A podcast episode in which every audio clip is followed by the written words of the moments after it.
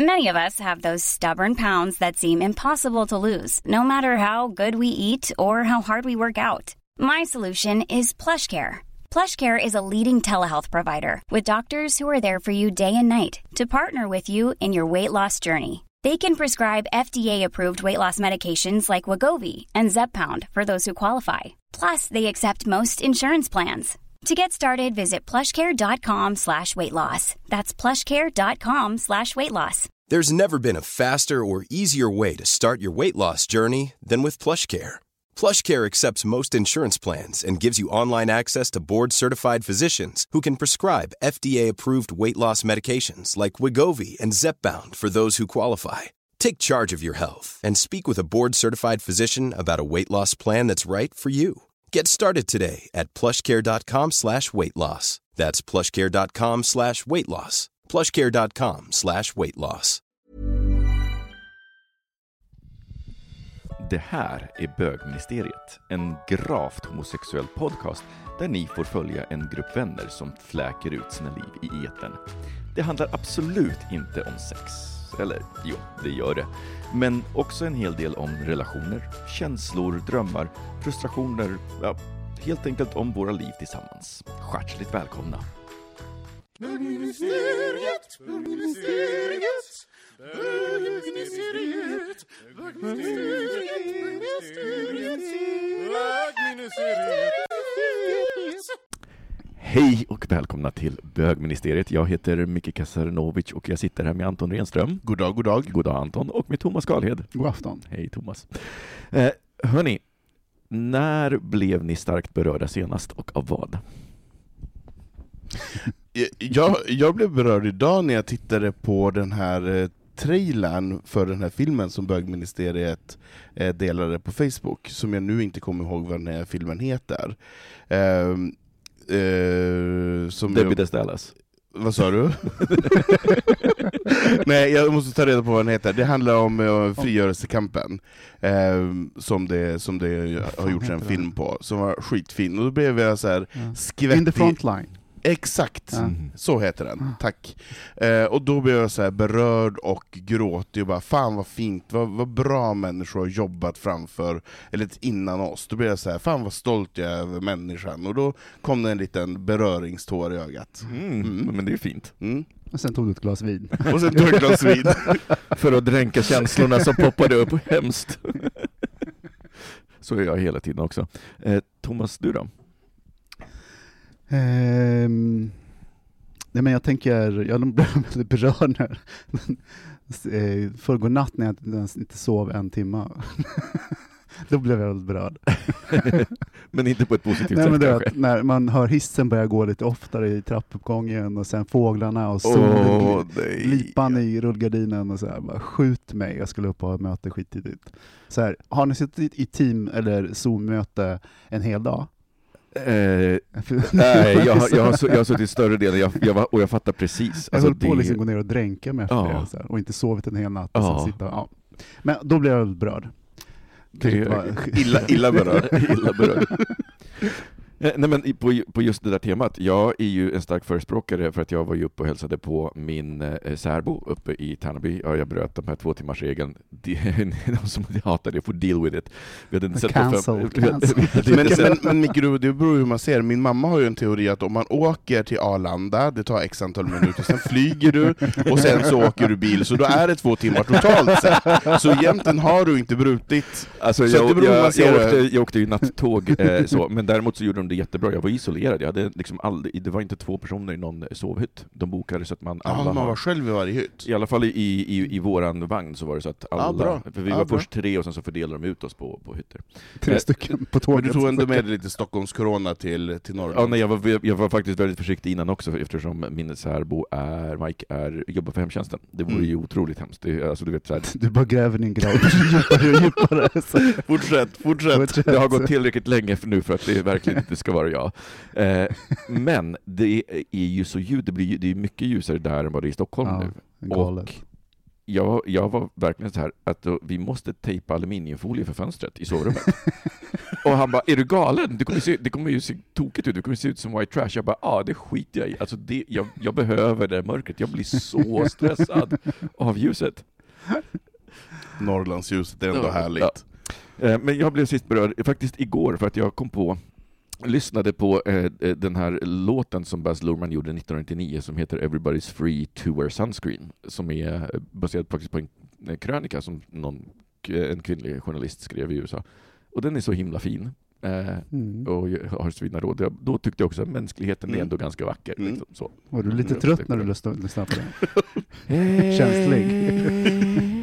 Hudlös. Lite, kanske. Men, Men- jag, jag tycker man är ganska hudlös så här i coronatid. Jag, ty, Ja. jag tycker jag gråter för både det ena och det andra.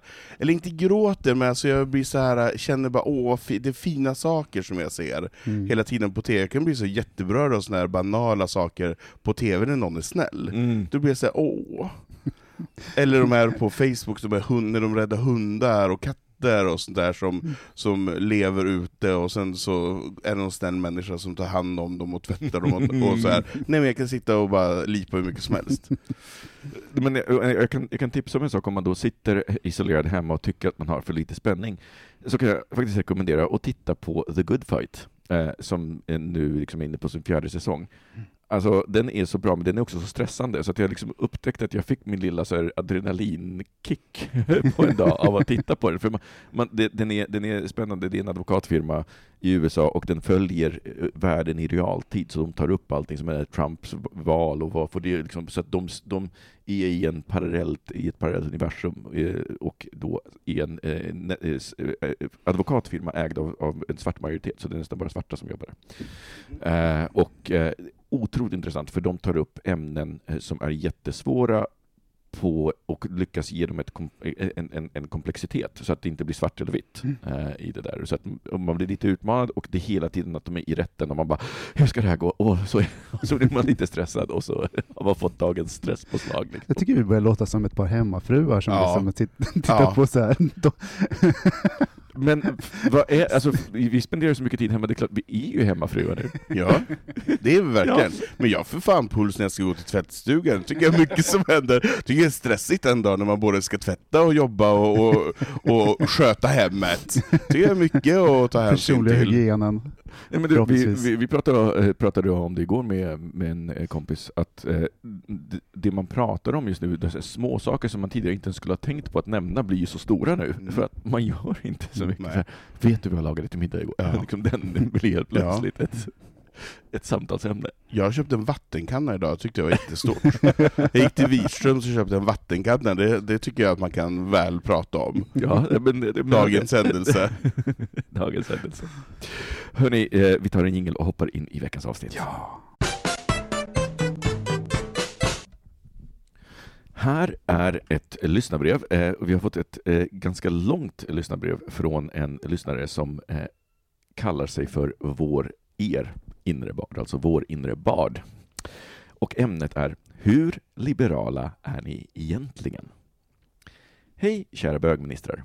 Hur liberal är jag egentligen? Det är en fråga jag ställt till mig själv oftare och oftare på senaste åren och jag känner hur min inre Alexander Bard sprattlar vilt i mitt bröst eh, när jag läser nyheter eller tar en kaffe med kollegor på jobbet. Oftast får jag bara nicka, nicka med eller gå, för, eller gå, för debattläget har i mitt tycke blivit lite absurt. Avviker du från den svenska hållningen i någon fråga som rör moral så blir det ett problem. Och jag tycker ju att Sverige har en mycket problematisk moralism som bara växer. Jag tycker det är fjantigt att en sportarena måste heta Falcon alkoholfri arena. Det skulle jag inte uttryckt på jobbet strax innan jul. Hur många barn och kvinnor ville jag se ihjälslagna under storhelgerna egentligen? Jag skäms när jag har utländska kompisar på besök och får stå i brödköerna för att komma in i en butik från 1972 efter att vi kontrollerats av en vakt och välja mellan raderna av dussinboxar. De trodde inte att det var sant. Det var mina kompisars första besök i Sverige och jag ville snabbt tvätta bort den upplevelsen så jag köpte en kasse is till våra pissljumma bärs och vi begav oss upp på Skinnarviksberget för att träffa ett par andra vänner som då snällt förklarade för mina utländska vänner how very good the Systembolaget is. It is the love and equality and quality you don't have that in your country you see. när Tyskland är verkligen inget öl eller vinland. Det gick inte att mötas där bara. Själv tycker jag att bolaget är trams och Sverige är ju inte mindre drabbat än andra länder av missbruk eller annat relaterat. Den här totala självgodheten, ingen kan bättre. Och med Socialdemokraterna i regering upplever jag att det eskalerat.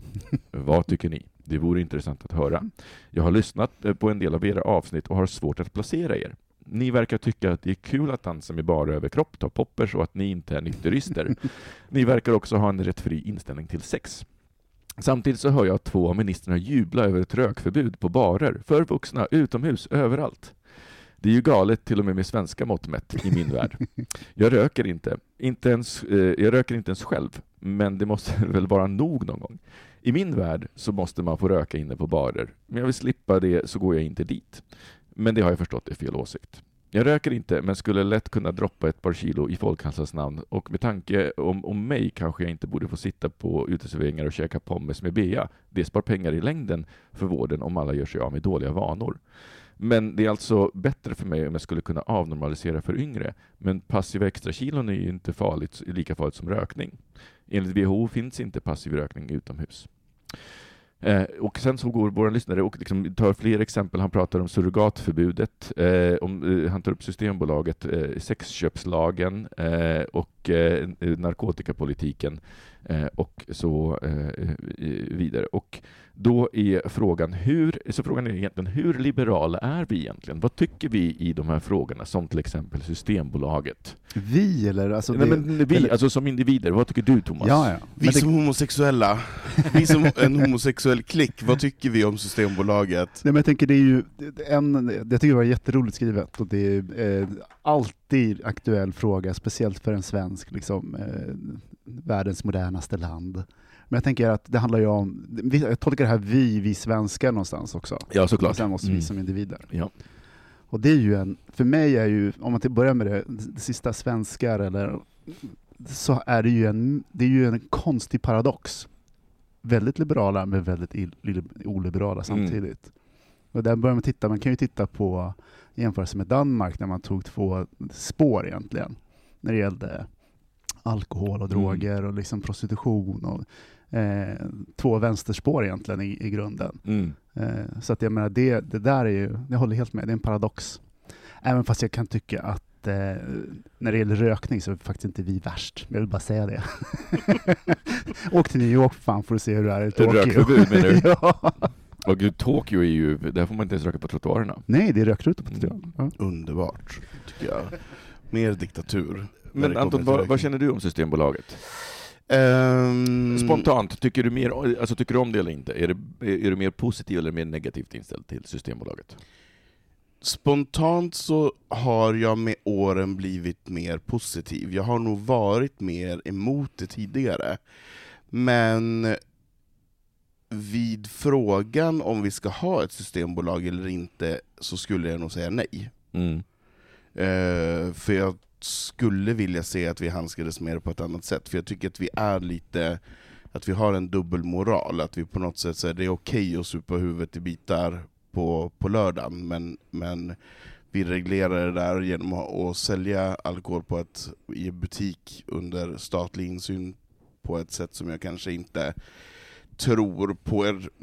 Men det är också svårt, jag tycker att det är svårt nu, jag har ju aldrig, aldrig haft något annat. Jag har aldrig bott i, ett annat land, så att jag har aldrig haft en annan känsla av det. Det är mer när man är på semester och man går i matvarubutiken och det är praktiskt att köpa drycken samtidigt som du handlar maten. Det är mer av lathet. Mm.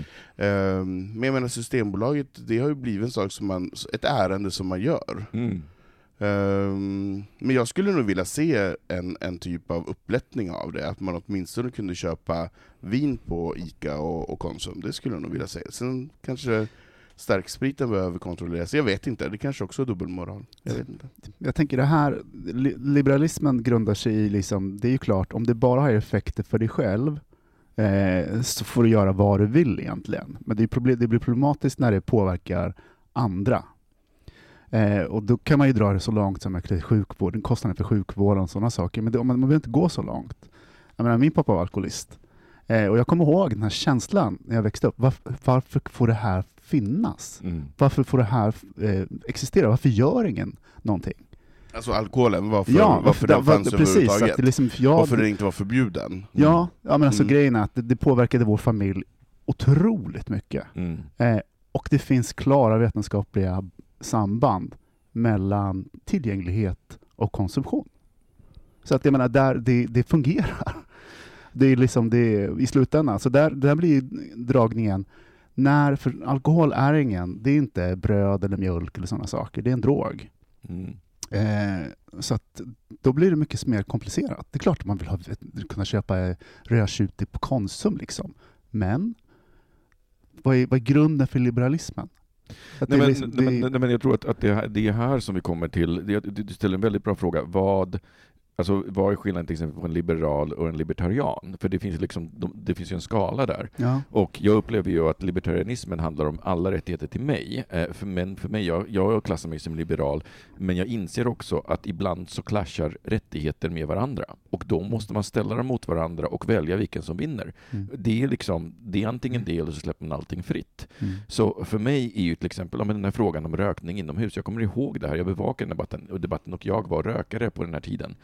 Eh, och jag kan verkligen se att det var ju precis det argumentet, så här, man kan väl gå till ett annat ställe. Problemet är att som marknaden fungerar Mm. så kunde man inte driva ett rökfritt ställe därför att varje sällskap hade någon rökare och det fanns ingen i sällskapet som ville börja bråka. Mm. Så att man var så här, men det är bara en kväll, man går ut och sen så går- hamnar man på, på, på stället. Det gjordes försök med rökfria krogar innan dess, några som försökte, det gick inget bra, alla var tvungna att ta tillbaka det. Det låter skittråkigt. Nej, men, nej, nej, men, men det, det, Alla krä- tråkiga människor gick det, dit. det krävdes, ja, men, nej, men det krävdes, det Alla, krävdes alla icke-rökare. Nej, men det krävdes att man, att man satte, att man satte en, en ny spelplan istället för att jobba med den gamla. Och helt plötsligt så var det någonting som tycktes om av både rökare och icke-rökare. Utomhus, den är jag med väldigt, så här, jag är sliten till den, men jag, kommer, jag känner inte heller, jag, jag känner ingen lust att välja en strid, att börja strida för rökning på på, på uteserveringar. Alltså, här, någonstans där vi är i världen, så här, välj era strider. Är det det som är det viktigaste? Är det den frihet som känns viktigast att den tas ifrån oss? Mm. Alltså, du vet, jag tänker att om folk hade haft samma engagemang när FRA-lagen gick igenom, alltså då kanske, alltså, det, det, det, så att det är lite sila mygg och, och, och, och skjuta kameler för mig. Mm. Eh, att vara så här, ja, jag är inte helt överförtjust i att man kanske har lite för, för mycket inskränkningar. Men däremot att röka inomhus, det fanns ett ständigt undantag i arbetsmiljölagstiftningen för folk som jobbade på restaurang. Mm. För du får inte bli utsatt för andrahandsrök. Och, liksom, vad ska man, och, då, då, och då är frågan, är man libertarian? Där man säger, de får hitta ett annat jobb. Ja, men det går inte. Vi kan inte ha ett undantag i arbetsmiljölagstiftningen. Så jag tänker att, att varje fråga blir komplex och det jag tänker Ta bort att... den lagen också. Ja, Då har vi löst problemet. Precis. Nej, men någonstans så måste man ju vara- inse att så här, någon gång så ställs friheter mot varandra. Personalens frihet att kunna ha ett arbete där de inte blir skadade, Mm. den går för mig före rökarnas frihet att få röka fritt. Mm. Det är inte lika viktigt för mig att få röka som att få jobba. Mm. Eh, och jag, när det gäller Systembolaget, jag måste säga att Mm. jag är positivt inställd, men det tar jag på evidens. För att om man tittar på hur farliga olika droger är för samhälle och för individ och, och liksom gör ett hel, en helhetsbedömning. Både skada för, på individen och på samhälle, men också man tar in hela faktorer. Eh, och The Economist har det här, så att om ni googlar The Economist och, eh, eh, så, så, och Fast där- vara- Fast där, då, då går du ju in på en paternalistisk eh, synpunkt på det här, att är skada på dig, på konsumenten. Och på, mil- och, men de tar med inte bara skada på utan också på samhället. Okej, ja. De, alltså, så de tar med alla aspekter Ja. för att göra en objektiv bedömning, det vill säga hur mycket, vad är det som händer? Mm. Och då ligger alkohol, det finns bara två droger som ligger över alkohol i farlighet på den skalan. Och det spelar ingen roll hur du skär det, för sen kan du ta skada på individen, skada på samhället. Alkohol är fortfarande vilka, är de, tredje an- störst. vilka är värst? Heroin och crystal meth är Och värre alkohol. än alkohol. Precis, eh, och sen så kommer de liksom i stigande, ja, kokain ligger väldigt nära.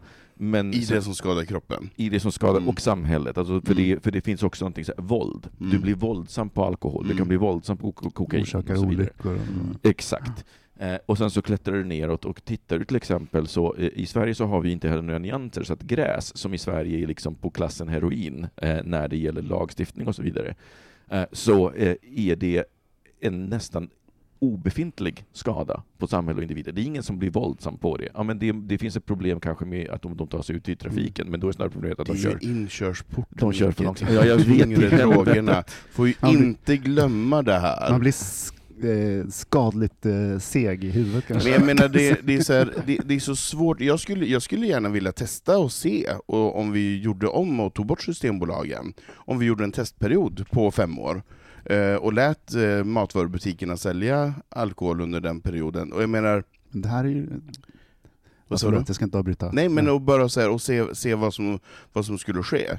För jag menar, vi, det kanske är så att vi är mogna att ta hand om det här själva, det vet jag inte, men jag menar så här, en alkoholist väntar ju då till dagen efter och köper. Jag menar, så den, det spelar ju ingen roll det- eh, om, om man är i sjuk i en sjukdom. Men det här är ju liksom Så- vetenskapligt bevisat, att tillgänglighet ökar konsumtion. Mm. Det, det, vi behöver inte testa, vi vet det.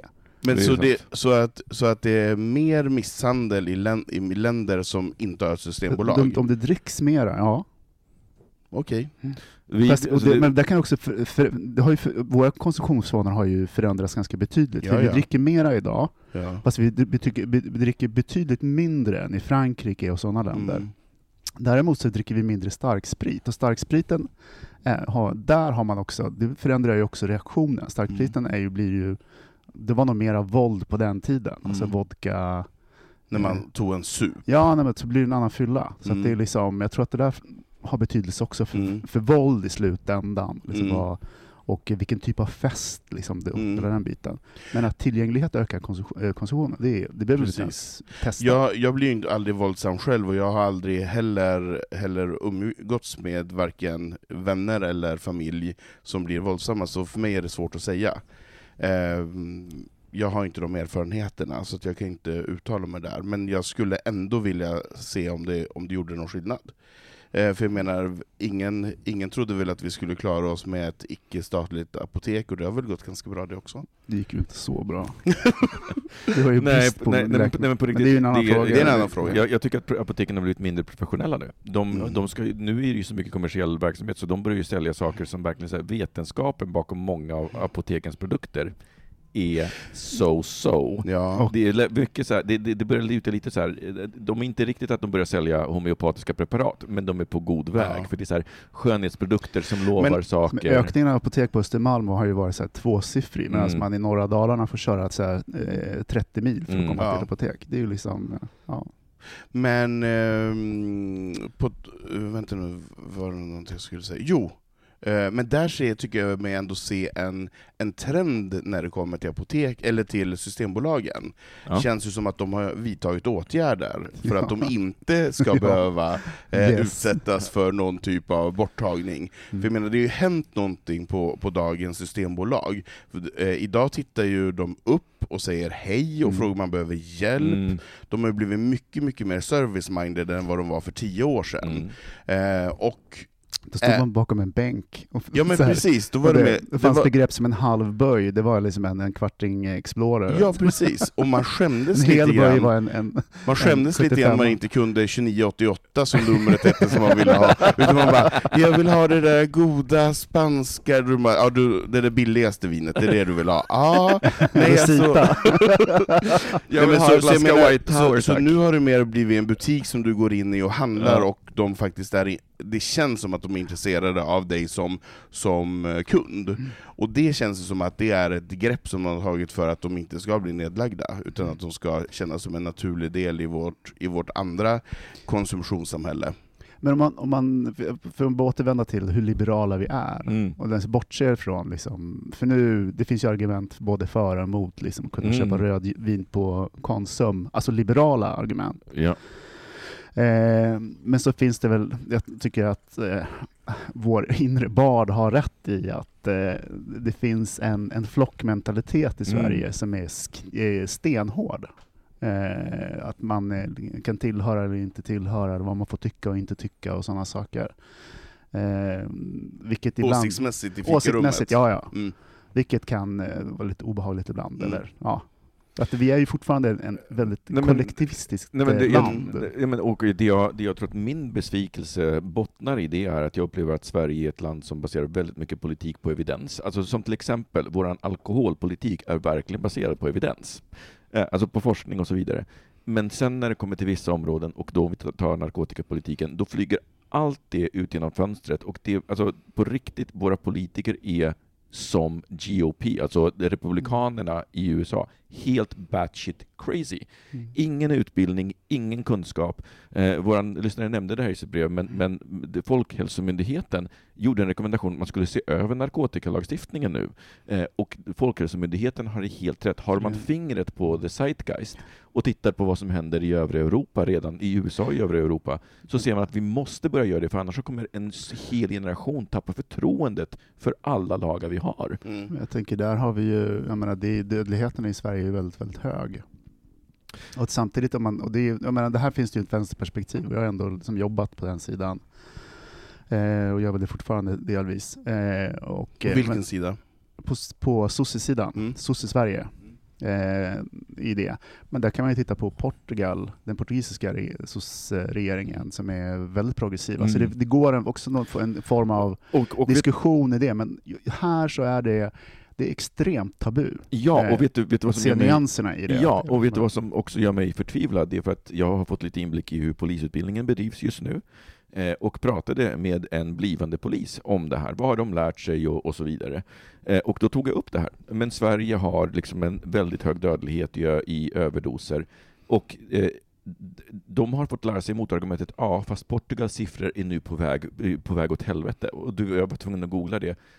Ja, det finns en tung drog och det ökade med 30% under ett år. Men du vet, man, alltså, det, det är så barockt. Det är, som, det är på riktigt som Trump läser siffror. Man bara, här har vi en siffra som passar oss, vi tar den helt ur sin kontext Mm. och sen så presenterar vi den som sanning för att det, det, det bekräftar vår världssyn.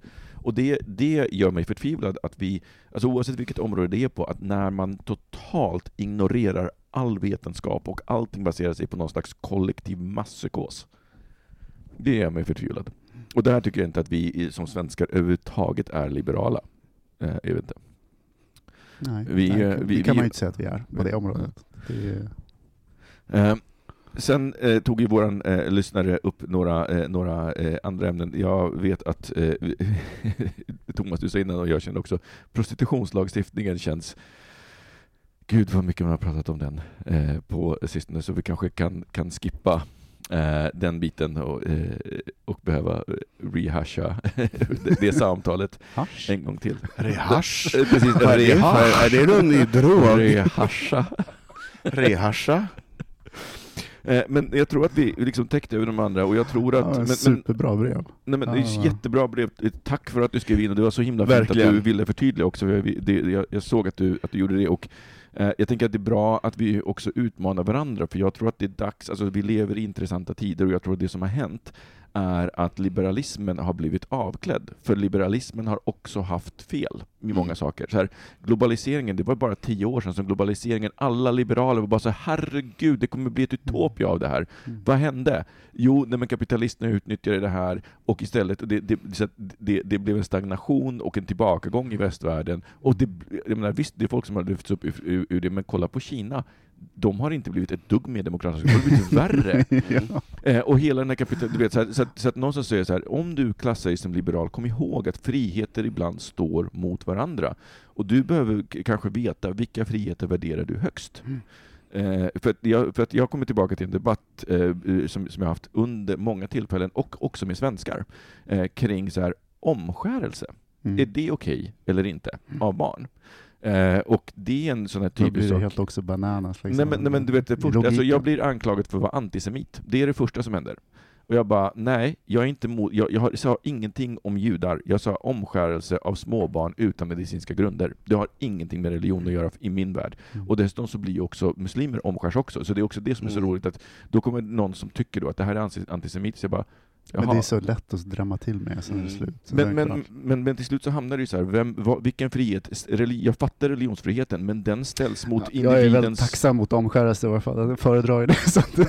Nej men, nej men, nej men, nej men Jag grejen är jag säger ingenting om vuxna individer och det, det, det är också det som blir, blir grejen, att man tror att det är en bedömning av individer, men det är det inte. Så här, jag är all for, en, en omskuren kuk är jävligt fin, så jag har inga problem, liksom, det, är inte, Mm. det finns liksom inte något sånt, men däremot att, att om, man- om man då är för omskärelse av religionsfrihet, då sätter du alltså religionsfriheten högre än individens frihet till sin egen kropp. Mm. Och de konsekvenserna blir ganska allvarliga. För då kan du helt plötsligt inte kritisera Kinas eh, eh, omskolningsläger från, Mm. någon, från någon moralposition, för du Mm. tycker ju att, att, eh, att religionsfriheten går över. Mm. Mm. Eh, eh, och, och så, så att jag tänker att det, det, kom ihåg det, friheter kan ställas mot varandra. Du behöver veta vilka friheter du ställer. Men vad var svaret på hur liberal Hur liberala är vi? Ja. Ehm, ja, alltså jag försöker ju, jag, i det här fikarummet när, när det finns någon typ av konsensus försöker jag ändå alltid slänga in ett vedträ, eller ha eh, en frågeställning som inte är bara mednynnande. Eh, för jag tycker att det är farligt när, när man sitter i en grupp människor som bara håller med varandra. Mm. Eh, det, det är därför jag var så emot stackars Greta eh, som, som fenomen, för alla bara jaade henne, och, och det fenomenet, ingen såg bortom eller pratade om någon annan, eh, någon annan eh, konsekvens av det, och, eh, och det fick man ju verkligen inte göra, då blev man ju faktiskt utfryst Mm. i lunchrummet, folk Mm. bara vände jag sig känner att jag blir, sitter där och blir förbannad nu. Ja. Jag- Nej, men, och jag menar, så är det med Systembolaget, omskärelse och massor med fr- frågor som vi pratar om i ett lunchrum, men där vi ska hålla med varandra. Ja. Och det tycker jag är farligt när vi hela tiden ska hålla med varandra. Ja, i Sverige Och- så har vi glömt bort hur man inte håller med varandra. Exakt. Vi har aldrig lärt oss det. Nej, det, exakt. liksom, det kommer ju från de här ensliga gårdarna. Liksom. ja, verkligen. ja, men alltså, man är, vi har inte ett socialt kapital att göra Exakt. att det Och det tycker jag är viktigt, och det, där tycker jag att Alexander Bard är en bra person, som faktiskt förespråkar diskussion och att man ska lyfta upp saker och ting. Sen håller jag inte med honom om allting, men jag tycker att han är bra som vågar föra en debatt eh, om eh, saker som gemene man inte vågar föra debatt om. Ja, men jag tycker att han, alltså, han befinner sig på en, på en position där han inte är beroende. För att problemet i Sverige är ju att så fort du är beroende av, någon, av, av liksom någonting som har med statsapparaten att göra, så kan du inte prata om vissa saker i politiken. Eh, jag vet till exempel att, men, så här, jag är öppen med att jag, när jag åker till Holland eller till Barcelona, jag röker gräs jättegärna, jag gillar det. Och, jag har inga problem med det. Och, jag vet att jag var i ett samtal med en SVT-reporter, men du vet, det var till och med så att, för de ville göra en, liksom en, en, någon slags belysning av det ur ett annat perspektiv. Eh, och det var liksom, alltså vet, det var så mycket hysch-hysch. Det var så här, nej, det här, alltså, det här kommer nog kanske inte gå igenom. Och det, du vet, Mm. alltså, det finns en sån rädsla, vi kan inte ens föra samtalet. Så att det här Overton-fönstret när det gäller vissa saker i Sverige är helt åt skogen skjutet. Mm. Och det, vi, har, vi, kan inte, vi måste lära oss hur man inte håller med varandra. Mm. Man kan inte hålla med varandra. Nej. Och sen ändå vara vänner. Mm. Det blir- Verkligen. Det fan menar du? Nu börjar jag nu. Nej, jag Jag svarar, håller inte med. Nu, jag men, nu stänger, nu stänger jag av inspelningen.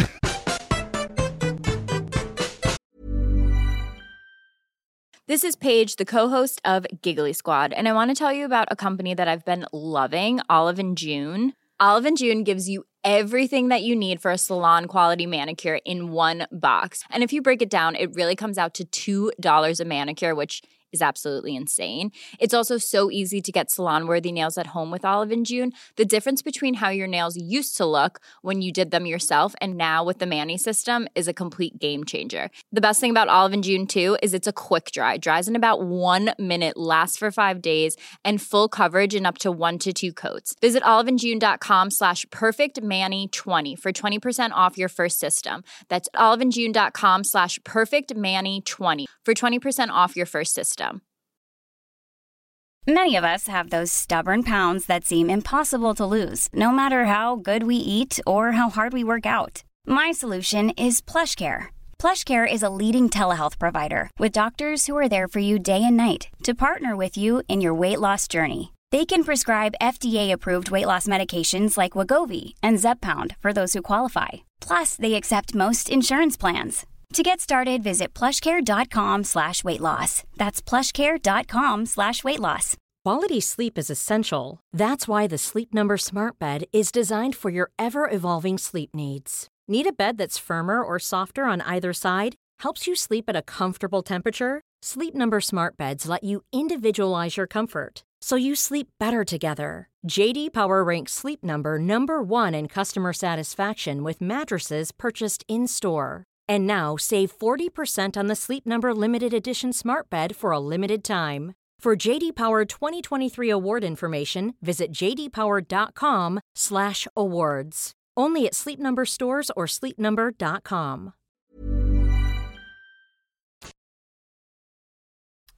Vi har fått ett till lyssnarbrev, eller kanske ska jag säga lyssnartelefonsvararmeddelande. En lyssnare som har ringt in till våran röstbrevlåda eh, som vi ska ge er numret till så småningom. Eh, här kommer meddelandet. Hej kära bögministeriet, Fredrik här. Kul som vanligt att lyssna på. Jag har gjort det ända sedan start. Jag funderade på ert senaste avsnitt där ni pratade ju om retroskopi och Paris Hilton.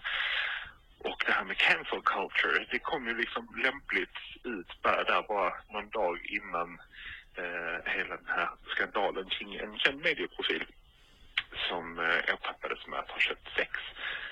Och då undrar jag alldeles oavsett er inställning till prostitution, eh, vad ni anser om människor som tydligt har begått ett brott. Ska de ändå få synas i media eller borde man just cancel? Älskar er, puss på nosen. Puss på dig också. Vilken sexig skånska. Ja. Ja. Jättegulligt. Oj, började den spela igen? Man kan, man kan trycka på stopp. Men jag älskar att Thomas är, Thomas är också så gammal, han springer ut med telefonen. Men jag tycker att det här är intressant för att jag eh, har, jag har ju eh, tänkte nästan ringa och spela in ett meddelande själv eh, Mm. om det här med cancel culture, för jag tycker att vi, det, det finns nyanser i det som eh, vi inte dök ner i förra veckan. Mm. Eh, och dessutom så blir ju det här temat extra, extra, extra aktuellt. För Thomas, som du eh, eh, vi spelade upp en video för Anton, berätta om Central Park Ja, men det var helt, den var helt eh, underbar tänkte jag säga. ja, men jag tänker att om inte någon har sett den så kan man ju googla på Central Park eh, Karen. Af- äh, Karen. Central Park, på riktigt, Central Park Karen, och det, det Mm. är, då får du upp nyheterna kring det här, så hon kommer vara känd som det resten av livet. Oh my God. Ja men eh, cancelled, hon blev ju cancelled. Nej men berätta, vad, vad, Ja, nej, men det var- den, vad hände? En, en eh, amerikan, svart eh, kille som gillar att titta på fåglar, fågelskådare, som var ute i, i Central Park. I en park för alla. I en park för alla. Mm. Eh, Och i ett område där det finns väldigt mycket eh, fåglar. Ja, du skulle säga någonting annat. Eh, Men och då står, finns det skylt, eh, skyltar överallt där det står att man måste hålla hunden i koppel för att Mm. det är fågelområde. Mm. Och då är en, en kvinna som är där med sin cocker spaniel och eh, han ber henne sätta på kopplet flera gånger, hon vägrar. Då börjar han, hon filma, han filma.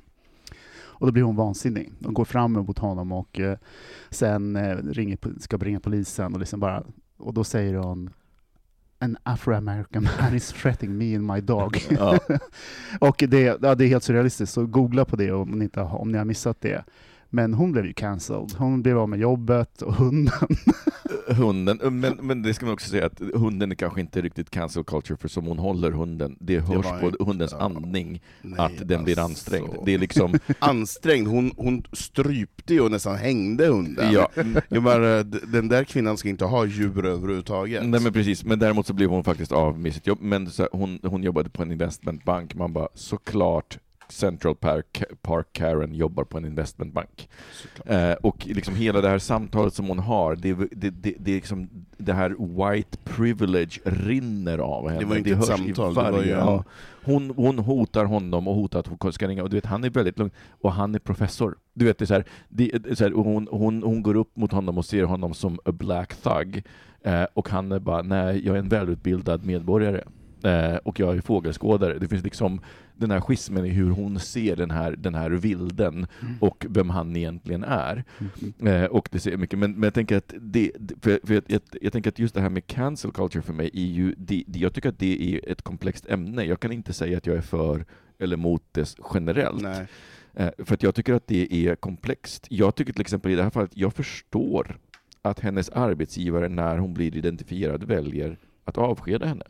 Jag kan på riktigt förstå det, för att det hon gör är, det är så kalkylerat, det finns liksom en underton där, och sitter hon i en position där hon har någonting att säga till om i team, jag kan, Mm. alltså vet så här, om det rinner, rinner över, hon, hon ska göra en utvärdering av en medarbetare, en svart Mm. medarbetare bara Mm. ”He's not really a team player”. Du vet, Mm. det, det finns så många saker som följer med det, så att jag, jag kan inte tycka att det är fel. Och sen så kan jag också vara så här. Det roliga med cancer culture är att det, det är ju ofta, mest från höger det klagas. Mm. Och då kan man ju fråga sig, varför är det så? Varför är det så att det oftast kommer liksom från höger, de här eh, provokatörerna som liksom anser sig vara utsatta för cancel culture? Mm. Är det så? Jag har inte tänkt på det på det sättet. Men kan du, kan, kan, alltså, jag, jag tror inte att jag har hört om någon liberal, förutom kanske om så här, i Sverige om du är för prostitution, ja, men då skulle du kanske liksom vara så här, "Ah, mm, en person eller så blir Mm. lite så att, men, men jag tror inte jag har hört så många som har haft en, en, en inställning till frihet eller liksom till, till saker som, som jag har lyssnat på och som jag bara, den här personen är helt galen i huvudet och liksom sådär. Utan det är oftast de här höger eh, extrema personerna som han, vad heter han, Milo. Ja, jag ni tänker vet. på Kevin Hart och sådana liksom som har sagt, eh, som har uppenbarligen sagt eh, homofobiska saker i tidigare, eh, i, ni vet vem Kevin Ja. Hart är. Ja, Och så- han, han, han fick inte vara värd för Oscarsgalan på Nej, grund och det- av och- sina och- tweets. och sådana saker. Så att jag menar, jag tror att det Något kan slå lite... Som hade, Precis. precis. Det här, var inte, precis, det här var inte 15 år sedan, det här var typ 3-4 år sedan. Mm. Mm. Men- Men ja, jag vet inte fan. Alltså, en del av mig tycker att det är rätt. Men en annan del av mig känner bara så, men tänk om man har blivit... Om, man måste ju få göra fel också. Jag menar så här, man måste ju få uttala sig tokigt och sen ändra sin åsikt. Mm. och sen kanske be om ursäkt och säga men jag menade inte så, jag var, hade inte kunskap om det här ämnet just Mm. då. Men nu har jag tillgodosett mig och jag skulle aldrig uttala mig så här från och med nu och framåt. Mm. Ja, man, man måste ju få göra fel. Jag menar det är pyttetokigt om vi ska leva i ett samhälle där alla ska vara, vara rätt från början. Jag Mm. menar alla är vi barn i början. Och jag tycker jag menar så den här debatten om den här Big Brother-deltagaren som hade nynazistiska tatueringar på sig och hade, hade varit i olika gäng där, Mm. där det var nazister. Och eh, då han berättade att det var för att han umgicks i fel kretsar och att han var ung. Att han var influerad av fel personer när han var 15-16 år, men att nu, 10 år senare, så håller han på att ta bort tatueringarna, för det är ingenting som han står för överhuvudtaget. Får man inte förändra sig som människa, Mm. kan man inte bättra sig, då jag är jag är rädd för samhället som, som skapar att man bara har en chans och sen är du borta. Ja. Det måste ju vara, nå- finnas någon typ av um, gråzon där också, Ja, beroende men jag är på... inne på att det finns, det finns nyanser. Vad är det vi pratar om egentligen? Jag menar, eh, ibland, för det som vi pratade om i förra avsnittet, det handlade väldigt mycket när folk fultolkar. Ja, Mm. du sa det, liksom, och så, Mm. så föser man in ett folk i ett hörn. Och, Vilket jag också ska säga, Och det finns och det förekommer väldigt mycket. Ja, ja, jag- att man får inte säga, om du Mm. bara snubblar lite på orden så kan Ja. du liksom vara bränd. Mm. Eh, och det tycker jag är fruktansvärt, liksom, Mm. att man inte, det, det blir eh, samtidigt som det, som man, det är bra, alltså det är alltid bra att reagera. Men Mm. jag tycker inte det där är okej, det du sa. Mm. Men utan att liksom man ska... Man ska ju inte bränna personen på bål. Nej, och, och, och där kan jag tänka, det, det är en sak, fultolka, driva och få, ett, få en mobb med dig Mm. för att brännmärka Mm. och eh, typ eh, Mm. avrätta en, en, en, Mm. en offentlig person på något sätt. Sen finns det ju så folk som faktiskt har tyckt eller gjort saker utan att insett kanske vidden. Jag kommer ihåg när jag var tonåring, jag kommer ihåg en ganska specifik situation. Vad kan jag ha varit, 15-16, och drog ett skämt. Eh, som var uppenbarligen ganska rasistiskt. Eh, och jag, du vet, jag kopplade inte. Mm. Men i, den, i det middagssällskapet så blev det dödstyst. Och då var någon som frågade, vad fan håller du på med? Och jag var, för, jag, för mig var det som en, en smocka. Och sen tänkte Mm. du vet, jag kopplade liksom, vad var det, den här historien, du vet. För mig var det extremt nyttigt Mm. att få, att, att även i humorn finns det gränser. Ja, ja, gud ja. Eh, och eh, det lärde jag mig av. Jag skämtade inte på det sättet längre. Jag, jag fick en tankeställare för att någon reagerade och sa att det där är inte okej. Nej.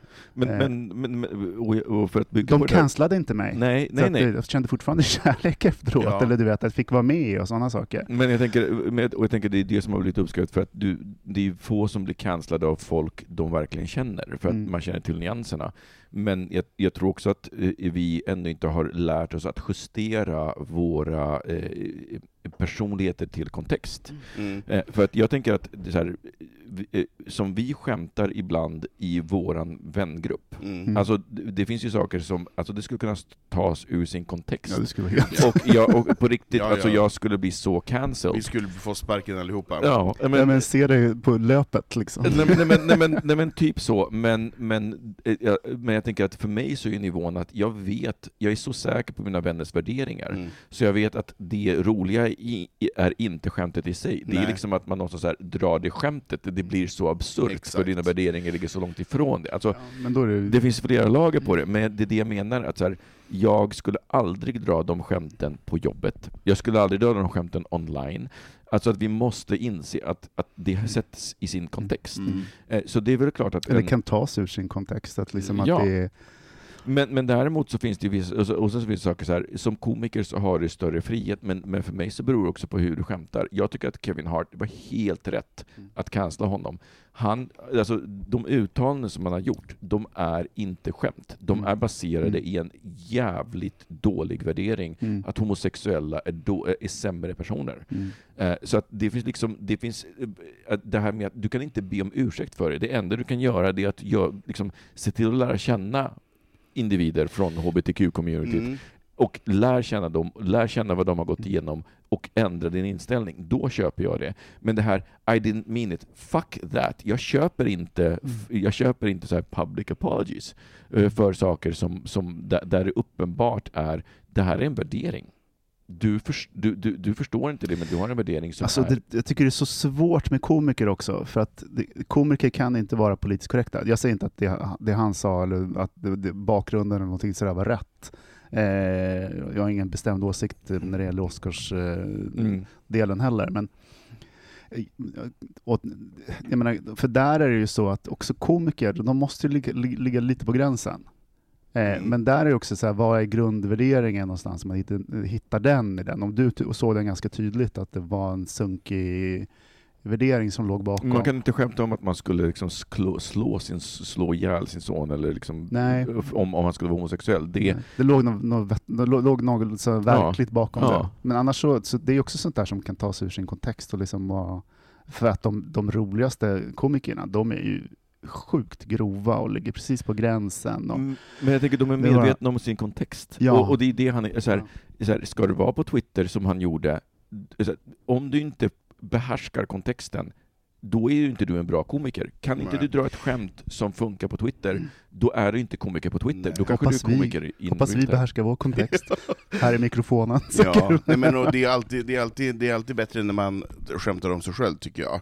Nej, eh, om, man- sin egen, om sin egen, sitt eget tillkortakommande, Ja. eller sin egen grupp, eller sin egen tillhörighet. Herregud ja. Eh, För jag menar, det är, så, det är så lågt att börja skämta om andra, men jag tror, eller jag tycker, jag menar där har väl jag också varit ibland att man, att man skämtar om andra minoritetsgrupper för att man tycker att man har någon typ av rättighet eh, när man själv är utsatt, att man får skämta om andra för vi sitter i samma båt, Mm. tänker jag snällt. Mm. Men det är klart att det inte är så, jag får inte, får inte ta den rätten från en annan en annan person, utan jag får skämta om mig själv och sen får någon annan säga ifrån när man går över gränsen. Men jag menar så här. Ehm, det, det måste finnas någon, vad, vad jag tycker är farligt i, i den här diskussionen är ju att olika makthavare har makt att tysta Mm. personer, och att den, den personen har makten att säga det där är rätt och det där är fel, eh, och att massan följer efter. Och Det tycker jag är otäckt. Ja, och, och jag tror att det, det vi egentligen ser här, eh, som är ett problem med cancel culture, men som man inte lyfter upp, det är att the cancel culture, eh, en del av problematiken bottnar i alla värderingsdrivna eller värdedrivna, nu gör jag eh, såna här luftcitattecken som inte ni ser lyssnare, men eh, eh, värdedriven organisation. Förlåt, det finns ingen, det finns, du kan, jag, utmanar någon och ge mig en lista på tio organisationer som är vinstdrivande och på riktigt värderingsdrivna. Det finns inte. Det är, Nej. det är liksom en här trend just nu, att så här, alla ska ha värderingar, Ja, ja. alla ska vara lika mycket värda. Men Mm. när det fucking kommer till kritan och, din, och så här, du riskerar att få en lägre försäljning, då kommer du bryta mot dem. Mm. Alltså inte ens IKEA, som ändå jag anser liksom, Inte IKEA, ens Ikea. men inte ens IKEA. Jag tycker att IKEA för det mesta liksom har en, liksom en ganska bra struktur, de har, de har haft en, en, en bra filosofi. Liksom deras anställda trivs på IKEA, eller så har det varit länge. Liksom. Det har varit det var väl för att han också var sympatisör med, med nazismen, ha lite ordning och reda. Nej, nej, eh, nej, jag tror inte det bottnar i det, utan att de, de såg att så här, eh, eh, människor är inte utbytbara klossar, människor Nej. är också människor. Man, man, alltså, Precis, så att att man folk, värdesätter... precis, eh, så. Men till och med de var ju så här i, i någon katalog, så här, de bytte ut eh, Ryssland. Ryssland bytte ut ett Mm. gaypar mot ja. de tog bort Mm. kvinnor i Saudiarabien.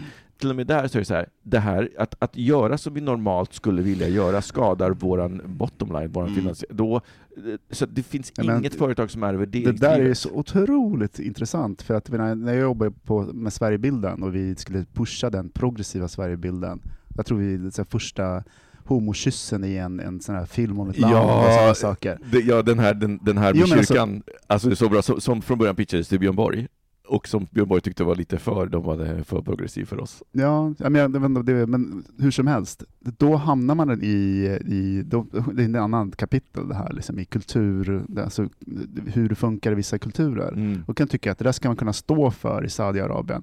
Men det går inte. Det Nej. kanske till och med är förbjudet.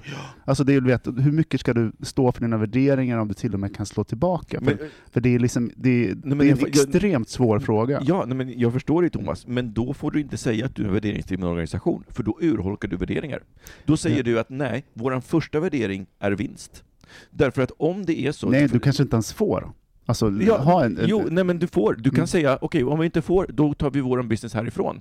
Du missar marknaden, men du står för dina värderingar. Det är det jag menar. Om du är en värderingsdriven organisation, då gör du det Så svart och vitt. Mm. Nej, nej men värder... alltså det är ju det som är problemet idag i Sverige och i resten av Mm. världen. Vi har inga värderingar, De, vi bottnar inte i dem. Mm. Vi har inte någon så här, det här går linjen, utan Mm. allting ska vara flytande. Ja men eh, eh, aktieägarnas intresse, det ska Mm. vägas in. Nej, fuck that! Värderingar ska aldrig, värder, ska aldrig ha med ekonomiskt, så att så fort Mm. dina värderingar överges för att det blir lite jobbigt eller kostsamt för dig, då är de inte det. Mm. Och, och, men, men däremot så är ju det en trend att alla ska ju ha sina fem värderingsord och, Ja, och så vidare. ja. och Men- då blir ju cancer culture ett problem, för att du Mm. lever uppenbarligen, det finns alltså få, jag kan räkna upp tre vinstdrivande företag, jag har, jag har kollat ganska mycket på det, har ni några fler förslag, mejla gärna in dem till oss. Men det är Oatly, det är Patagonia och det är Dr. Bronners tvål. De enda tre organisationer som jag har sett som verkligen, verkligen lägger pengar bakom sina värderingar, som förlorar pengar på sina värderingar, som väljer att göra saker på ett sätt att liksom, nej, vi, här, this is the line, we will not cross it no matter what. Mm. Och det är det som är en värdering. Mm. Du, du, det- så så här, det, Mm. kost, det kan kosta mig mitt liv, men jag kommer inte att vä- välja att gå med på det här. Eh, Vi och, kommer att förlora pengar. och så, så att de, alla organisationer låtsas att de har det, och sen så kommer vi till cancel culture. All, här, organisationen bara ”vi är inte rasistiska”, och så, så kommer en anställd som, Mm. eh, som Central Park Karen och bara ”jättelätt att sparka henne och lösa symptomet”. Mm. Eh, på, men, men man fixar inte problemet för att det finns Nej. ju kvar där under. Det finns ju fortfarande i Eh, och, och, organisationen. och jag tror att det här eh, hatet mot cancel culture kommer delvis, det är delvis missriktat. Det ska riktas mot alla organisationer som påstår att de har värderingar, men där det bara är en fucking reklamgimmick. Mm. Ja, såklart det där. Och det är så många som gör sig röster på att, att tycka och tänka. För jag menar så här eh, Den här medieprofilen som inte ska få då så mycket mer utrymme. Men jag menar, det var ju för mig ingen nyhet att den här personen hade en rutten människosyn. Jag menar, den här personen har ju svängt sig med, med både det ena och det andra. Han, han och Genom- Anna Maria Corazza Bildt eh, var, eh, var ju två huvudnamnen tillsammans med Öholm Ex- mot homosexuella äktenskap Exakt. i tunnelbanan. Jag kommer Exakt. ihåg hans nylle och hans underskrift. Och han har ju- Värna om familjen. Och den här medieprofilen har ju suttit i olika debatter och eh, förespråkat både det ena och det andra. Så att, eh, ja, eh, jag är inte jätteförvånad att, att eh, människosynen inte var bra. Men, och det är ju det här som är så intressant tycker jag, att man inte tar de här dåliga personerna på, på all, deras åsikter på allvar när de inbringar pengar. Mm. För jag menar, den här medieprofilen har ju gett det här tv-huset så mycket pengar eh, i tittarantal och i sponsorskap och så vidare, och byggt företag runt omkring och gjort massor med pengar på det. Och så länge man inte behöver stå till svars, då är det lätt att bara fortsätta. För jag menar så här, hade någon brytt sig om de, de små homosexuella personerna som den här medieprofilen tyckte var nonsens, då hade man ju tagit bort honom redan då. Mm. Ehm, och lika väl med, med den här andra hantverksprofilen som blev anklagad för olika saker för några år sedan, eh, har ju också uttalat sig om både det ena och det andra tidigare. Men det är ingen som gör någonting när det inte är den stora massan, Mm. eller när det är en viss typ av åsikt som, som säger emot. Där tror jag också att eh, behovet av att ha både och-sidorna har Mm. ökat under den senaste tiden. Det är intressant, inte minst med SD, liksom, de dyker upp mer och mer Mm. för att de ska vara både och. och även fast en 90 procents åsikter är 90 procent har en viss åsikt och en 5 procent så ska det ändå vara liksom 50-50 i slutändan. Så det där tror jag har minskat. Men jag tycker, det är klart att man kan ha, jag menar som Paolo Roberto, man behöver inte tycka om honom och sådana saker, men om, han, om hans kvinnosyn och sådana saker man lyfter fram, det, det, det måste han få kunna få säga. Det är liksom, det är, det, det är, däremot, och det är samma sak med, för det verkar ju vara trafficking det här också, liksom, som hände Mm. i det, vilket är ju liksom superallvarligt. Men jag kan bli lite illa till mods när, det är så mycket, när man känner liksom, när drevet blir så kompakt. Mm. Eh, ja, han har gjort fel, det är helt förkastligt. Det är liksom, han, Men vi blir ska en dömas. lynchmobb. Det blir när det börjar lukta lynchmobb, Mm. och man liksom känner blod, Ja. Mm. bloddoften, Mm. då börjar jag tycka att det är obehagligt. Mm. Eh, ja, han ska dömas och det, det är sådana saker, det här är, det är fel, men det var sånt det var sånt raseri som bara dök ur alla sociala medier där ett tag, så att jag bara... Mm. Mm. Jag håller med. Det Och jag, ty jag, tycker det, jag tycker det raseriet är, det, är- det, det är verkligen som du säger när det luktar blod, eh, och blodhundarna kommer fram. Eh, det är superotäckt. Det enda, det enda som jag tänkte så här var, jag menar han har ju barn och syskon och mammor och pappor och så vidare som är helt eh, fria, som Mm. inte har gjort någonting. Mm. Och jag menar, så här, de, de, har ju, de har ju sitt liv att, att handskas med. För det är klart att han ska dömas och ta, och ta, ta, ta det straffet som han förtjänar. Och kanske har vi för låg straffskala när det kommer till den här problematiken med, med brott. Men det är ju en annan sak. Mm. Men, men, och här kommer vi in på en annan sak, att vår lyssnarfråga, det är ju med, för han, han ställde faktiskt en fråga om så här, men folk som har begått brott. Eh, och där tror jag det är så otroligt viktigt att hålla i tankarna att, att moral och lag inte alltid går hand i hand. Eh, alltså om man, om man ska basera sin moral på att lagen alltid följer moralen, men det gör den inte. Lagar är väldigt eh, fyrkantiga och det är av nödvändighet, därför att eh, juristvärlden ser ut som den gör. Du måste ha klara definitioner av saker. Eh, Men i, i, i så här, för jag tänker så här, ett land som Kina, det är olagligt med vissa saker. Jag bara, nej vet du vad, att följa lagen där är inte, det är, mor, det är omoraliskt att följa lagen där. Att som eh, företag gå in och säga, vi, ska bara, vi, vi måste bara följa lagen och hjälpa dem att eh, identifiera de här uh, uigurerna. Så här, fuck you, nej, det behöver du inte alls vara. Det är omoraliskt. Ja, så jag tänker att lagen, så, så här, och, men jag tror att det är väldigt lätt i ett samhälle som Sverige, för att vi, vi, vi, har, ett, vi har ett jättebra rättsväsende. Vi, vi, här, och vi har mycket tillit till det och det är bra. Mm. Men, men vi gör också ofta misstaget att tänka olagligt är omoraliskt och, och att det finns ett, ett lika med tecken där. Men så är det inte. Det Mm. finns så mycket gråzoner eh, i, även där. Eh, Så att man ska ju kanske titta på vad, så här, vad är konsekvensen? Finns det något offer i brottet? Som i det här med Paolo Roberto-fallet, det är ju uppenbarligen, alltså hon som sagt, det fanns ju trafficking med i bilden. Mm. Uppenbarligen så är det ett större brott än sexköp. Det är trafficking, eller med, medbrott till trafficking. Men jag tänker på, eh, på andra brott, som till exempel, jag blev väldigt glad för typ fyra år sedan, så hade vi en dom i Högsta domstolen där de för första gången i Sveriges historia dömde till någons fördel när det gällde cannabis. Och det var en kille som var svårt sjuk i MS tror jag, och som då fick av sin läkare till och med Just det, det tipset. Just det. att vara så här, det enda som man vet hjälper, Just som det. är dokumenterat, det är gräs. Just det. Eh, och han blev uppmuntrad att odla själv, Mm. eh, för, för det liksom går inte att få tag på annars. Nej. Han blev så hjälpt av det här, Mm. och eh, eh, hör och häpna, så gick Högsta domstolen på Han hans linje. flög fram. Liksom. Nej men, nej, men, det, nej, men de, var, det är liksom, de, de, de tittade på bevisningen och lyssnade på faktisk evidens. Eh, så där kan man ju säga så här, vad ska personer göra? Eh, för om vi tar ett annat exempel, min, nu när jag var uppe med och hälsade på min sambo så fick han, eh, eh, han har fått migränanfall Två, igen. två timmar från Stockholm. Två timmar från Stockholm. Precis, två, bara två timmar från Stockholm. Eh, nej men han, han fick migränanfall igen, så att jag körde honom till sjukstugan där uppe. Eh, så, och sen så, eh, eh, så här, veckan Hade efter... de öppet eller var det någon annan som hade jour just den? För Nej, nej men de, de, det är kan ju vara ett ganska stort distrikt. Jätte, jätte, men det var jättebra service faktiskt. Bättre än jag fått på vårdcentraler i Stockholm, ska jag säga, om jag ska vara ärlig. Eh, snabb och bra och kompetent. De var verkligen så här. Han, han är inne i ett skov, det går inte att stoppa det längre än vi kan göra lindra, så de Mm. gav honom morfin. Mm. Vilket är så här. Det, och jag fattar, opiater är allvarligt, men Mm. det var verkligen, jag såg ju på honom, det var, alltså, han har beyond hjälp. Mm. Jag har själv haft migrän, så jag vet när man Mm. hamnar i det här stället, när, så, att du kan komma med alla dina nässprayer du vill, Nej, eller det Alvedon, hjälper det, det, det, som att pissa i Vättern. Mm. Eh, Får han ha ofta migrän när du kommer upp eller? The shade!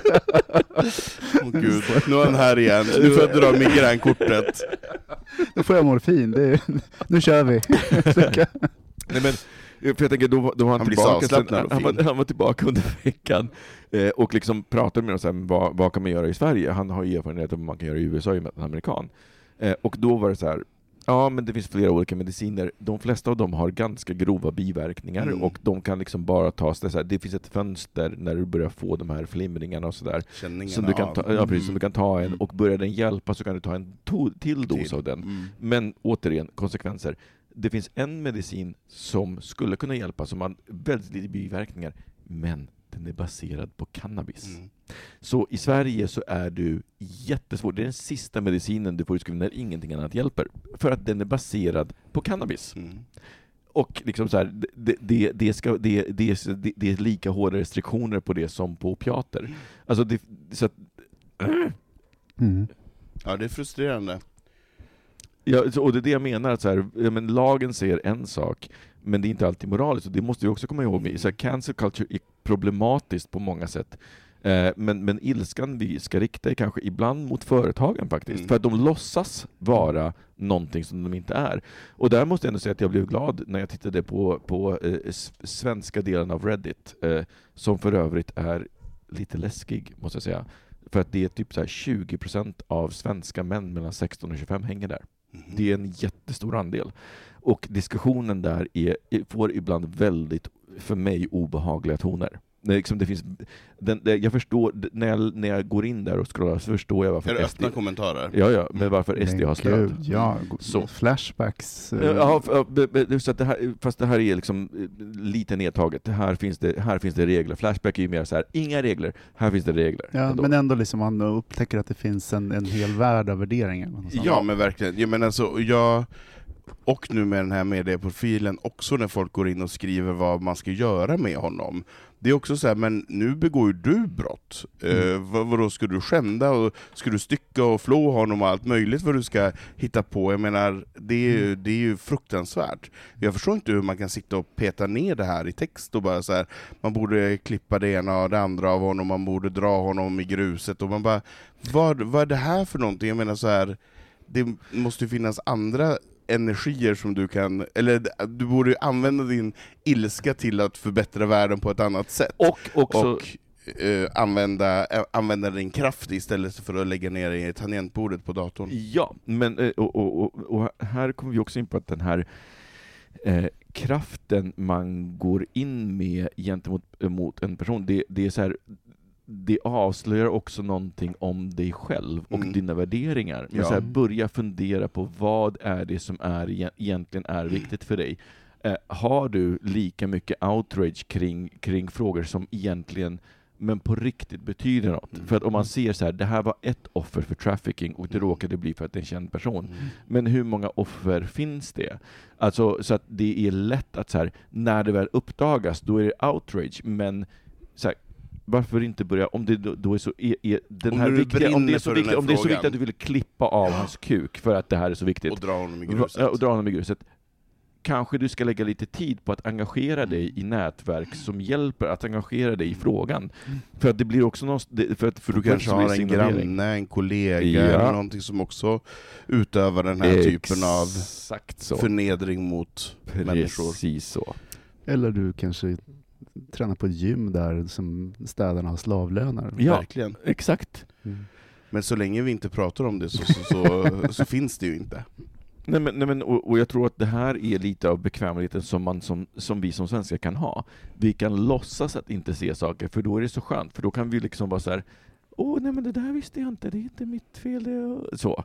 Men, men eh, det, det, så här, det finns obekväma, det finns många obekväma sanningar.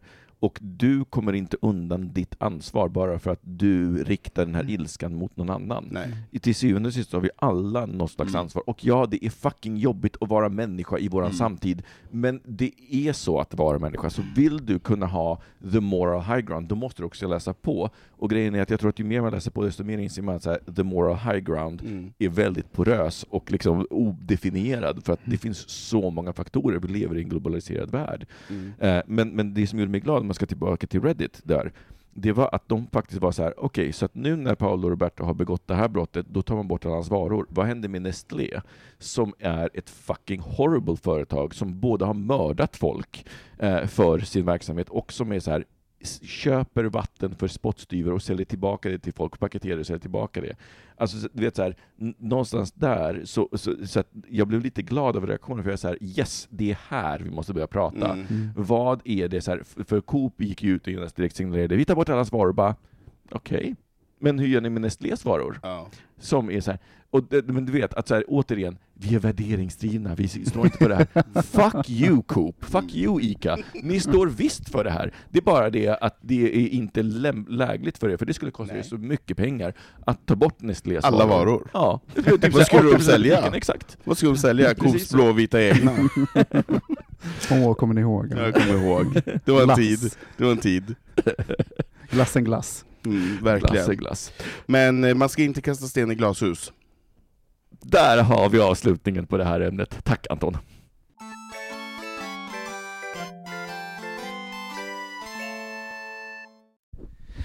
Ehm, Jaha du Micke, ja, ja Micke. Eh, har du hämtat andan? jag har hämtat Du är on fire idag. har, Är det coronan som gör dig så här uppeldad?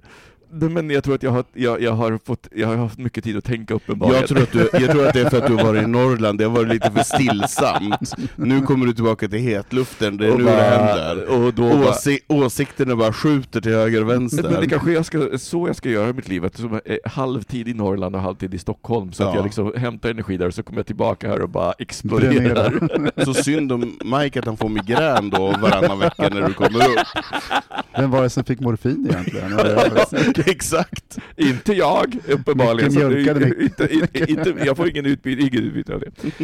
Eh, nej men eh, Anton, jag kommer ihåg en sak som, eh, som du eh, sa under ett avsnitt som vi spelade in för, tror jag, tre veckor sedan. Var det något klokt? Det var någonting klokt, men också någonting personligt, för att du sa att du har all, aldrig sett dig själv som optimist, och jag plötsligt upptäckte att Mm. du kanske är optimist. Mm. Och jag har funderat på det sen dess, för att jag är också så här, för att jag har ju aldrig sett dig som en pessimist. Eh, och, och uppenbarligen så har ju du gjort det, så jag tänker att så här, det är intressant bara hur man kodar saker och ser saker. Men så har jag också funderat på så här, men vad handlar det egentligen om? Är det optimist eller pessimism? Och jag har landat i en spaning som ni nu kan få utmana.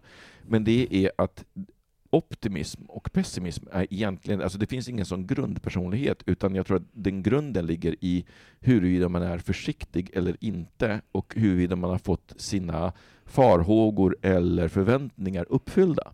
Så att om man är en person som kanske är lite mer försiktigt lagd, eh, och jag ska också säga att det är variationer i mänskligheten som behövs. Det är inte liksom bättre eller sämre.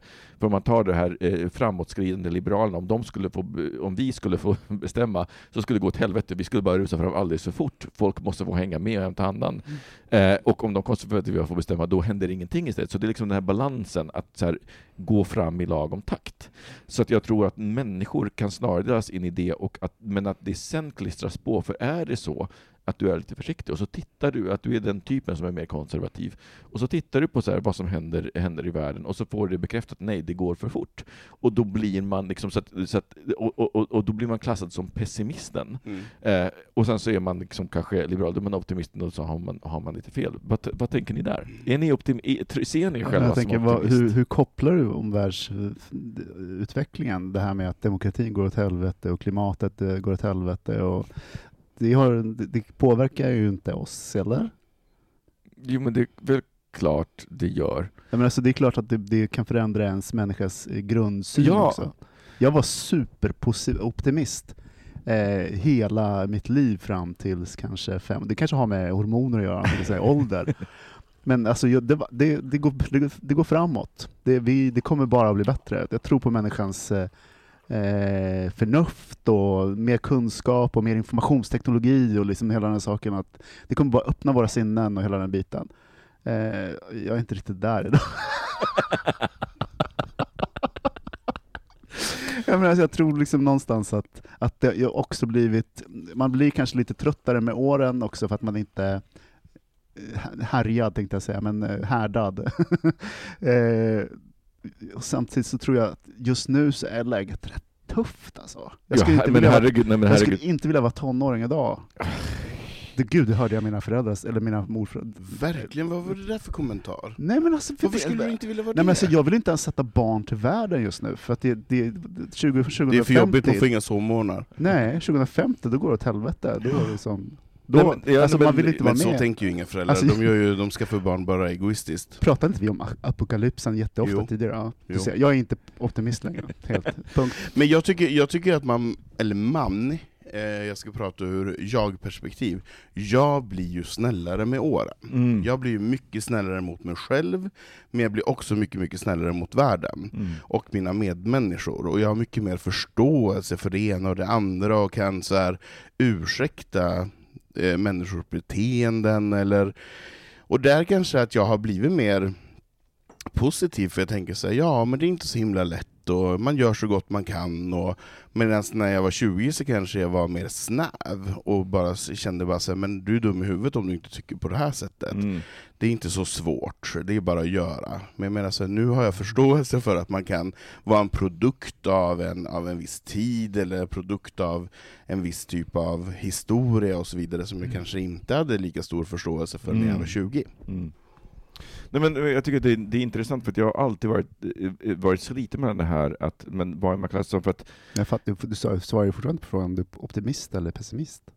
Vad sa du? Det, nej, men det gjorde han för, för, tre, för, för, Ja, för tre veckor sedan, okej. så sa han att han var optimist. Då, då, det sa var, jag det var det ingången. Mm. ah, Okej, förlåt. Eh, Nej, men jag, jag, jag tror att jag alltid har haft svårt för att jag eh, tror att jag uppfattas som en optimist. Och jag tror att så här, skulle jag, eh, liksom tidigare när jag fått frågan, bara så här, men det är klart jag är optimist eh, generellt. Men jag är också otroligt duktig på att se, vänta ett tag, här är det stopp, här, här Mm. finns fallgropar. Alltså så att, eh, jag, och, och, så jag tänker, jag har jobbat liksom mycket i, i den så kreativa branschen och haft workshops, så jag kan liksom direkt någonstans vara så här, okej, det här kommer inte komma någon vart. Så. Eh, och där är jag ju inte kanske då optimisten som bara ja, men allt är möjligt och, eh, och så vidare. Så jag, jag kan ju säga att jag har haft bägge i mig, så att idag så tror jag att jag har svårt att klassa. Vilka, vilka har du haft i dig? Oj, oj, oj, oj. det, alltså, vi har inte tid att räkna upp dem. Att det, då kommer det avsnittet bli f- många, många timmar långt. Nej, men för, om jag får omdefiniera mig, vi, kan, vi kanske har tre olika monologer här, men eh, jag tänker också så här att man kanske blir, man, nu säger jag också man, men klokare. Liksom på något sätt så, det går i konvulsioner. Om vi pratar den mänskliga utvecklingen, om vi kopplar bort så här, ekologin och Mm. Sådana saker som är liksom naturligtvis helt livsnödvändiga, annars funkar ju ingenting. Så jag menar, hela den här skiten som har kommit fram med sociala medier och sådana saker, det får verka ut. Mm. lite känner jag nu. Att det kommer, alltså det, obönhörligen så förändras det ju med att folk dör till slut. Det är som att det kommer nya generationer, det kommer nytt Mm. och sådana saker. Så att jag menar, om man tittar på utvecklingen i Polen till exempel. Oh, Det är ju gamla Polen, det är liksom landsbygdspolen, äldre Mm. människor som, hela den utveckling som har skett de senaste åren. Ja, men det, det får verka ut ett tag. Det kan inte gå på räls spikrakt. Och det kanske inte var helt rätt att det skulle gå spikrakt åt ett håll heller. Så Ja. att det, Nej, men, och, och jag tänker att, så att jag, jag är liksom någonstans i det här då, när du sa det, sa det Anton, så jag tänkte på det bara, jag vill nyansera den här bilden, jag vill förstå vad det handlar om och jag har landat i att jag har jättehög tilltro till individer, men jag har på riktigt jättedålig tilltro till mänskligheten som kollektiv. mm. Alltså så här, jag, liksom, träffar jag en individ, då kan jag se all potential i världen. Men oss som kollektiv, tittar jag på vad vi gör, vi är so fucked. Alltså vår civilisation kommer, jag, jag, jag är he, vet, det finns ingen som kan övertyga mig om att vår civilisation kommer finnas kvar år 2100. Jag är helt övertygad om att det är liksom på väg åt helvete på den fronten, men jag fortfarande... Men, men jag tänker ju inte ens, jag, alltså jag sitter inte ens och funderar på sådana saker. Jag är ju så happy-go-lucky och bara säger men idag, idag, idag, imorgon, imorgon. Alltså jag, jag har inte ens funderat, men jag tror, om jag backar tillbaka så har jag, har jag ju aldrig trott att jag ska bli gammal. Jag har aldrig trott att jag ska bli 60 år gammal. Mm. Idag förstår jag att jag kommer att bli 60 år gammal, för det soon Varför to be, soon det? to happen. Men vad sa du? Varför har du inte trott det? Eller tänkt att det skulle bli? Eh, nej men jag, har inte, jag har inte haft den eh, bilden av livet som har varit speciellt långt. Jag har sett livet i fem eller tio års cykler. Mm. Jag har inte alls sett så här att jag ska bli 80 år gammal. Eh, det har jag nu också svårt att se att jag ska bli 80 år gammal, men jag ser att jag ska komma att bli 60. Eh, men när jag var 20 så hade jag väldigt svårt att se att jag skulle bli 30-40. För jag såg inte längre än så, Mm. och jag ser, väldigt, jag ser världen väldigt, väldigt, väldigt kort. Skaffa Eh, glasögon. Nej men och det är därför jag kanske så Det här, låter jag, skönt. Nej, men jag, är så, jag är helt obekymrad om miljön och de här, alltså jag bryr mig inte. Jag, bara så här, jag lever här och nu. Jag, jag, jag tänker mer att alltså, vi måste ta hand om varandra inom den närmsta tiden. Mm. Eh, och det kanske gör att jag är lite dum och lite gladare. Nej, att jag på något sätt så här, en överlevnadsinstinkt Nej, men, som jag har. nej, men, men jag tror att det handlar om så här, ignorance is bliss. Och man kan välja sin ignorance på riktigt. Och det, för att jag känner igen mig i, i det du säger, men jag har ju snarare gått hela varvet runt och varit så här, mänskligheten spelar ingen fucking roll i det stora hela. Vi har ingen särställning. Livet på jorden kommer oavsett vad att fortsätta. Det är en tröst Och, faktiskt. den, exakt. Ja. Och jag säger så här, bläckfiskar kanske kommer bli den nya intelligenta arten på Mm. jorden när vi försvinner. Helt fine by me, för det är för mig som är så här, men livet kommer fortsätta även om det inte blir mänskligheten.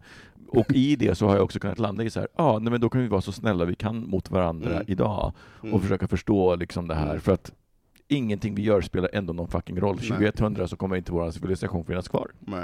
Jag älskar när samtalet så här mycket vändningar. Bläckfiskarna tar över. Liksom, säkert, liksom. Underbart.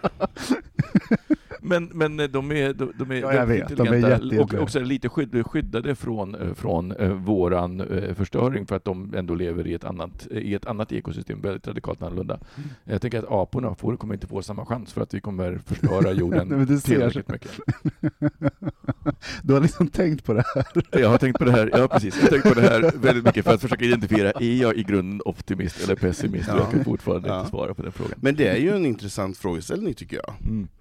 Eh, för att det, alltså, det är ju så man ser på, på det dagliga livet. Mm. Vaknar man upp till ännu en, en ny härlig dag, eller fan också, hur ska jag orka med det här? Ibland är det verkligen, Mm. orkar jag med den här veckan? Mm. Klarar jag den här veckan? Mm. Hörni kära Åh, lyssnare, är avslut. ni eh, optimister eller pessimister och varför? Alltså hur tänker ni kring den klassificeringen? Eller Och har vi om ni kvar några lyssnare efter det här? Har vi kvar några lyssnare efter det här? Det är en bra fråga. Men är det så att ni har några som helst tankar eller synpunkter och, eh, kring de här ämnena så kan ni absolut mejla in till oss på hejatbogministeriet.se. Thomas, du ska få uppgift att ta fram vårt telefonnummer för jag minns inte det. Ja, Jag har ja. min inte min telefon här. Eh, du kan gå in på eh, acast.com bogministeriet, där har vi våra podcasts och där så står det i beskrivningen av retroskopiavsnitten eh, vad vi har för telefonnummer. Ja, vad bra. Så ska jag säga... Five, five, five. Sök upp det nu, sök upp det nu. Sök upp det. Sök Eller upp så hittar du min telefon så kan jag eh, absolut, så, ja den ligger där. Som eh, försvann på vägen här så kan jag ta upp det. Eh, eh, men det finns andra sätt också, man kan gå in på vår hemsida som är vadå? Bogministeriet.se. Ja, och där finns det ett formulär och vad kan man göra med det? Man kan vara anonym. Ja, Åh, härligt att vara anonym. precis. Sen Men- Insta. På Instagram, Ja. Bogministeriet, och på Facebook finns Ja. vi också. Och Martinssons torg 12. Exakt. eh, Var bor du? på Facebook också. Ja, och, och herregud, Åh, herregud. nu har Acast ändrat sina, eh, sina adresser. Ja, vår- adress, vår adress funkar inte på samma sätt som det gjorde förut. Herregud. Förändring, förändring, förändring. Skitsamma. Eh, Skitsamma, eh, eh, ni, eh, eh, om man då vill ringa upp oss så får man hitta telefonnumret. Superhemligt. Men ni kan alltid Checka mejla in till oss. telefonkatalogen. ni kan alltid mejla in till oss. Eh, och gör gärna det, för ju mer ni mejlar in, desto mer sugna blir vi på att spela in avsnitt. Vi har blivit till exempel jättesugna på vårt lyssnarbrev, som ni säkert har hört under det här avsnittet. Thomas, Anton, tack Ja. för idag. Tack ska du ha. Hej då. Hej.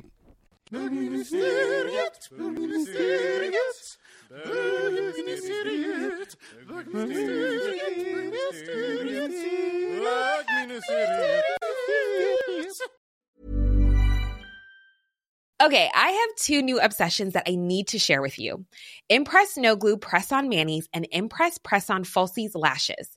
Trust me, these are getting ready game changers. Both require no glue, so there is no damage to your natural nails and lashes, no mess, and no annoying dry times.